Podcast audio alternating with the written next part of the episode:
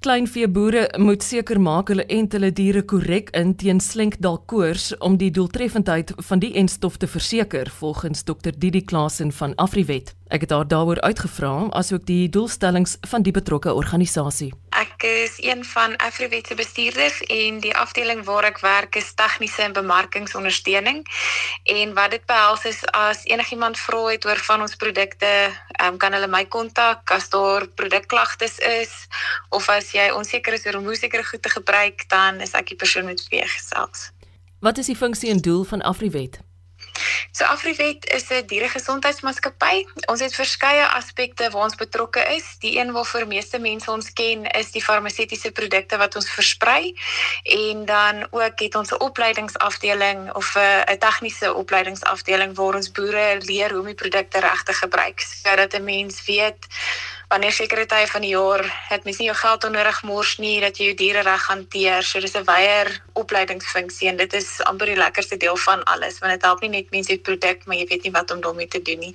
So dan kan jy strategies boer met die inligting wat jy tot jou beskikking het. Mm. Ek is nuuskierig. Wat is die Afrikaans vir Rift Valley fever? Dit is slengdalkoors. Waarom was dit onlangs in die nuus? So, um, ons het dit min of meer hierdie tyd van die jaar altyd in die nuus. Ek dink die meeste mense ken sentraalkoors van die 2010-2011 uitbreek wat ons gehad het in die Vrystaat, dele van Noordwes, Noord-Kaap en selfs in stukkies van die Wes-Kaap.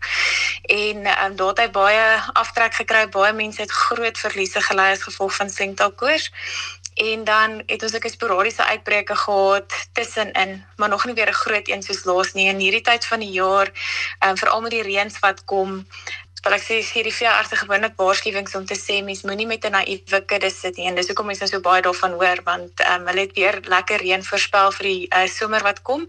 En dis hoekom mense nou daarvan in die nuus gaan hoor. Watter diere word veral hierdeur geraak? So dit is grootendeels jou lewende hawe, so skape, die ergste bokke en beeste, maar dit is ook 'n zoonotiese siekte en dis hoekom ons ook soveel klem daarop lê want mense kan baie siek word en met die vorige groot uitbreek het ons 'n paar mense gehad wat ook dood is. So dit is 'n ek wil sê 'n siekte wat verskeie spesies kan affekteer. Daar is 'n paar wildspesies wat ook geaffekteer word, maar ons grootste bekommernis is maar skape, bokke en beeste. Hoe weet 'n mens dat jy dit self onderlede het of dat jou kudde op die oomblik daardeur geraak word? So een van die goed waarvoor mens moet uitkyk veral in jou uh, klein vee is skielike aborsies. Ons noem dit aborsiestorm. So dis tot en met 80 100% van jou ehm um, dragtige kudde kan skielik aborteer.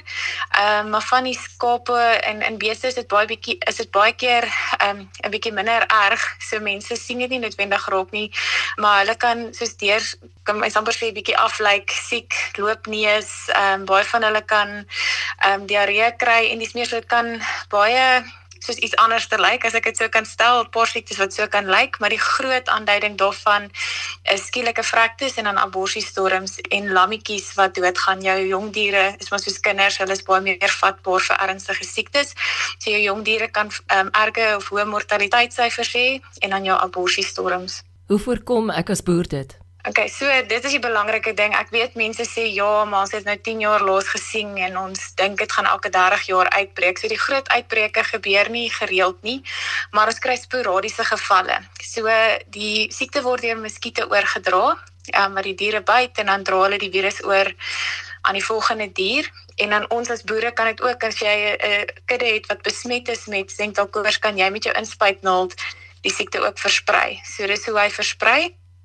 Maar wat ons kan doen om dit te voorkom is eerstens jou vektor of dis nou die muskiete beheer met 'n 'n goeie dipmiddel. Jy kan 'n opgietmiddel gebruik of 'n dompeldip en dit moet 'n peritriid is 'n goeie middel vir om die muskiete af te weer, so iets wat deltametrin bevat byvoorbeeld. Die ander ding wat 'n mens moet doen is ent. Dit help nie jy wag vir uitbreek om te begin gebeur om te ent nie, want as een van daai muskiete wat die stenkelkoors virus dra, sy eiertjies uitbreek op jou plaas. En maar jy's geseënd hierdie jaar en jy kry ekstra reën en daai eiers breek uit, kan jy soos 'n ek amper sê sporadiese uitbreking hê op jou plaas alleen. En ons het sulke gevalle gehad in Jagersfontein so 'n paar jaar terug wat net die een plaas geaffekteer is. So mens moet maar altyd paraat wees.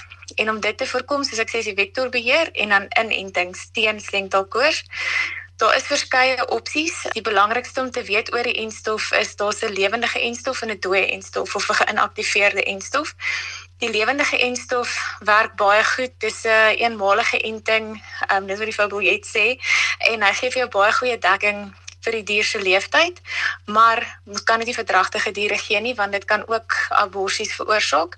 So die geïnaktiveerde enstof is dan vir jou dragtige diere, vir al jou oetjies, ehm um, wat 'n mens dan kan ent en dan weet jy hulle is gedek.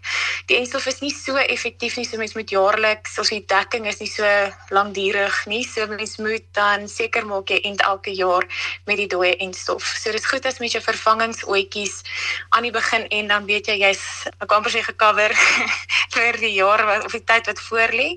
En ehm um, en dan ook net om uit te kyk vir die siekte te luister en te rapporteer. So dis hoe mens jouself beskerm. So gesels Dr Didi Klasen van Afriwet. Plaaslike Wagyu boere het die afgelope jaar vele suksesse behaal. Johan de Vos is voorsitter van Wagyu SA en sluit volgende by ons aan. Baie keer word die Wagyu nie reg gestaan of vir 'n lang tyd nie in Suid-Afrika nie, maar dit is eintlik 'n baie ou ras. En die rede hoekom ek en 'n klompie ander ook in die Wagyu besigheid ingeklim het, is omdat ons besef dit is 'n ras wat vir ons 'n internasionale mark skep. Jy weet Wagyu vandag word reg oor die wêreld waardeer. Het 'n baie sterk groei in die FSA en in die Ooste en in die Midde-Ooste.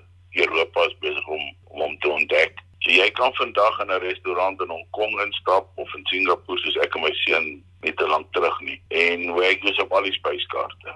Ongelukkig het COVID ons dit daar 'n bietjie pak gegee en die Afrikaanse boere was op die punt om hierdie besondere vleis uit te voer. Het die COVID ons begin seermaak het. En wat nou gelukkig is ook is weet elke donker wolk het waarskynlik ook 'n ernstige silwer rand veral in hierdie geval. Uh, ons het in die FSA gesien dat dit begin die tendens dat die mense van restaurante af weg beweeg het en baie meer gekyk het na wat hulle by die huis het.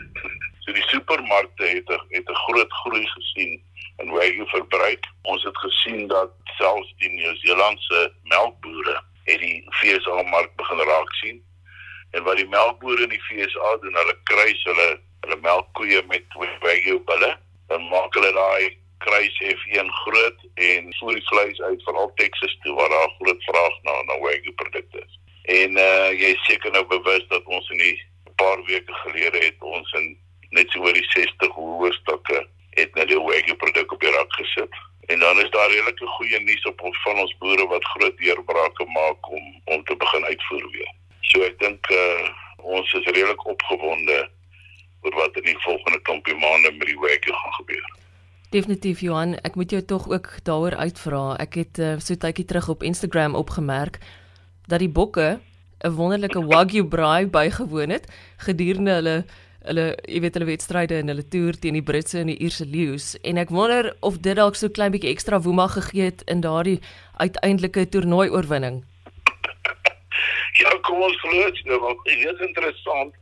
Ek het die naweek 'n uh, ou kollega van my by my by die huis kom braai en hy het toevallig saam met my het ons bemarking in Japan gedoen so 20 jaar terug, bietjie meer as 20 jaar terug. En daar het ons die eerste keer Kobe beef wat nou ook Wagyu's geëet en hy sê Sondag vir my gesê, "Jong, dit voel asof ons terug is, is in in Tokio met hierdie fantastiese vleis wat jy gehad." En dit het met die Springbokke ook gebeur. Jy weet, ek klomp van hulle speel klub rugby in Japan hulle die produk leer eet. En uit die bloute het ons net 'n oproep gekry, toevallig nog van Frans Steyn wat uh een van ons lede wat 'n veearts in Bloemfontein is gebel het en gesê hoor iets so, waar kan ek van die vleis in die hande kry vir die ander manne dit laat proe? Dit ons 'n uh, bietjie van die produk vir hulle afgestuur en hulle het dit gebraai en jy het die die die kommentaar gesien. So dit is wat wat besig is om te gebeur. Nie net alleen is daar fantastiese uitvoermark en 'n goeie prys wat ons sien nie. Maar al meer en meer mense in Suid-Afrika proe die produk. Dit is maar net so as jy eers een keer by jou geëet het dan uh het jy waardering vir 'n goeie produk met natuurlik al sy gesondheidsvoordele. Waar kom die wagyu boere veral in ons land voor op die oomblik? Reg oor die land, jy weet, wagyu is 'n baie aanpasbare dier. Ons vind byvoorbeeld dat van 'n dat hulle van die moeilikste omstandighede in Australië floreer hulle in Suid-Afrika van ons noordelike provinsies regdeur tot in die Wes-Kaap kom weg hier voor. Hy is baie aanpasbaar. Ons is gelukkig dat ons 'n klomp goeie genetika in die land ingebring het en eh, 'n uh, baie bekende veearts het na die dag vir my gesê hy's baie opgewonde want die Afrikaanse boere kan baie goed deel. Uh, eh, hy sê ons sal sien hoe gaan ons met die wêreld kan kompeteer met ons genetika wat ons in die land het en ons deel. En dan natuurlik is ons is ons bekend, ons kan diere goed versorg, ons kan hulle reg voer. En die enigste punt wat ek nou die laaste paar jaar agter ons ons boere in Suid-Afrika was waarskynlik nie die beste bemarkers nie. Maar ek dink ons het van hulle geleer. As ek sien hoe die boere begin saam staan en saam begin kyk na die uitvoermark, 'n uh, goeie voorbeeld is om die Woolworths mark te kon kon voorsien is daar 13 boere wat saamslag om om dit te kan doen. So hoe meer ons gaan saamwerk en hoe meer ons gaan van ons troontjies afklim en vir die vir die groter goeie saak gaan werk, hoe vinniger gaan ons ons regmatige plek in die mark kry. Ek hou ook daarvan dat daar vroue wagyu boere in Suid-Afrika is. Ja, is nogal van hulle baie bekendes wat baie gewild by by die dames. En dan ook natuurlik het ons 'n klomp opkomende boere wat mens baie opgewonde maak. Uh, ons is juist vandag weer 'n sessie by boerens met een van die boere wat ons ons help en uh, ek dink dit is ook die voordeel dat jy na die vroue genoem het ook ons kleiner boere dat op 'n kleiner stukkie grond waarde toevoeg met hierdie goeie produk. Johan, wat is op hierdie stadium van die wedstryd jou raad aan voornemende wagyu boere? Jy moet al 'n bietjie wind hê. wat ek bedoel is jy te wagyu nie soos wat ons tradisionele koei vat en en dan kraai of 'n bil op haar sit en dan verkoop ons 'n speenkalf as die speenkalf 6 maande of 9 maande oud is nie. Ou ek moet jy bietjie daar op jou talle, jy moet vasbyt, jy weet daai dier moet goed versorg word, hy moet 'n bietjie groter gemaak word, ons slag op op groter gewigte. Maar dan is die waarde soveel meer en ons het gesien nou dat die produk goed doen in die mark hoe die waarde vir die boer toeneem. Jy weet die Australiërs verkoop nou F1 kruis speenkalvers teen 100 rand per kilo vir lewendige gewig. Nou dis in enige een se taal baie baie goeie geld. So as ons 'n paar goedjies gaan regkry en ons byt 'n bietjie vas en sorg dat ons ons goeie genetika beskerm en aanhou geneties met die beste saamteel, dan kan ons verwag om baie goeie waarde vir ons produkte te kry. Want daar is 'n internasionale mark. Hy's bekend en ons daar's geen rede hoekom die die Aussies en die Amerikaners nie meer van 'n vleis hoef te kry as ons. En die volgende keer as ek op die N1 ry tussen Bloemfontein en Johannesburg, hoe gaan ek weet dat ek 'n wagyu gesien het langs die pad? jy moet maar net jou oë oop hou. Jy sal sien as jy nou hier van van Kroonstad af suid beweeg, dan gaan jy 'n paar van die boere sien wat uh, by hier swart beeste sien rondloop. Uh en uh, moet nou net die prentjie mooi uh gespierde dier verwag nie. Dis regtig baie mooi makdiere.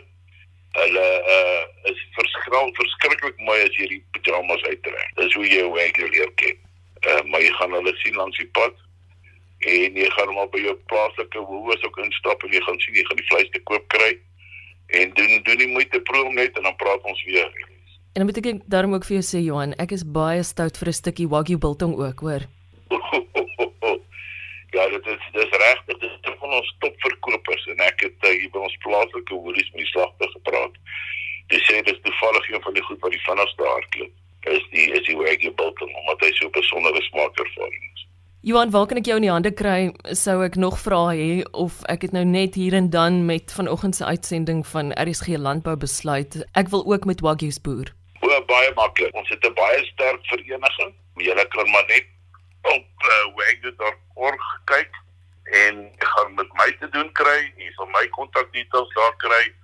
Jy gaan Dr. Michael Bradfield wat ons uh, hoofuitvoerende beampte se se detail gaan daar kry is wagyu.org.za en jy gaan al ons kontakdetails daar kry. Jy is baie welkom met ons kantoor kontak te maak of met my kontak te maak of of Dr. Bradfield ons help baie. Dit is 'n verskriklike voorreg om met so 'n ras weer mekaar te wees wat ek weet ons kan met die wêreld saam praat. Ons kan goeie genetika het ons reeds in die land en ek is redelik opgewonde dat ons boere die waarde gaan kry oor tyd.